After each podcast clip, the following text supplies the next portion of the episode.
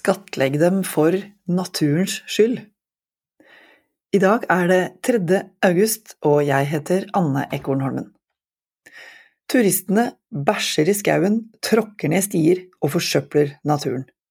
Å skattlegge dem kan gjøre Norge mer attraktivt for reiseliv.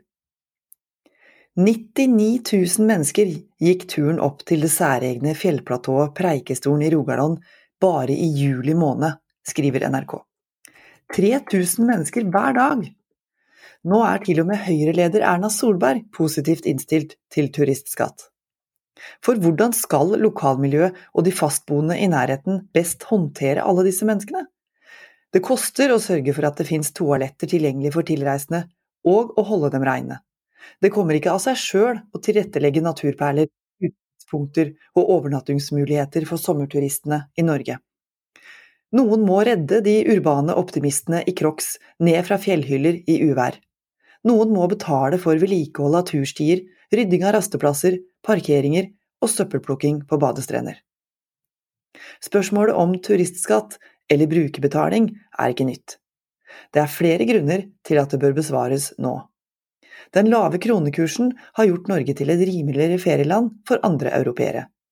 Antall utenlandske overnattinger var 2% høyere første halvår i år sammenlignet med samme periode i 2019, før pandemien, skriver Visit Norway. Valutakursen kommer på toppen av en generell trend i masseturismen. Folk vil ha opplevelser, aktivitet og spektakulær natur når de velger feriedestinasjon. Det gjør Norge attraktivt. I tillegg kommer klimaendringene. Skogbranner og hetebølger med temperaturer godt opp på 40-tallet gjør middelhavslanda og andre tradisjonelle feriemål vesentlig mindre fristende. Hvorfor reise til et sted der det eneste du orker er å sitte inne på et luftkondisjonert hotellrom? Norge og Norden må forberede seg på at turistene søker seg hit. Til frisk luft, behagelige temperaturer, kort vei mellom by og bygd, strand og fjell, med mulighet for aktiviteter til lands og vanns. Alle disse faktorene kan gi en veritabel turistboom de neste åra, sier sjefsøkonom Kyrre M. Knutsen i Sparebanken1 SR-Bank til Dagens Næringsliv. Mange av oss opplever stadig at folk slår seg ned for overnatting med telt, campingvogn eller bobil i både inn- og utmark. Allemannsretten står sterkt, og det skal den fortsatt gjøre. Men den kommer med en kostnad for både miljø, kulturarv, bønder og lokalbefolkning. I populære deler av landet blir slitasjen på terreng og omgivelser så stor at det når tålegrensa for natur og naturmangfold. Stier blir til motorveier. Offentlige toaletter er nødvendig for å unngå forsøpling og tilgrising. Det allmenne gode fri ferdsel skal ikke begrenses av privatisering, men når turismens fotavtrykk blir skadelig, kan offentlig skattlegging bli nødvendig. Mange av de mest attraktive reiselivskommunene i Norge får mangedobla innbyggertallet i sommersesongen. De er i utgangspunktet små, med få fastboende. De ordinære skatteinntektene til kommunen strekker derfor ikke til når servicebygg og tilbud, renholdspersonale og vedlikehold må dimensjoneres for tusentall turister. Disse kommunene, og naturen de forpakter, vil ha god nytte av turistskatt. Lofoten har ønska seg det lenge. Med et nivå av brukerbetaling som kommunene sjøl kommer fram til, kan de finansiere turismen og på en ordentlig måte ta vare på nettopp det turistene kommer for.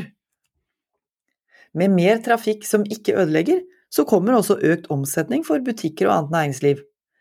Økt sysselsetting vil kunne dra med seg økte skatteinntekter, sånn at kommunen kommer inn i en god spiral.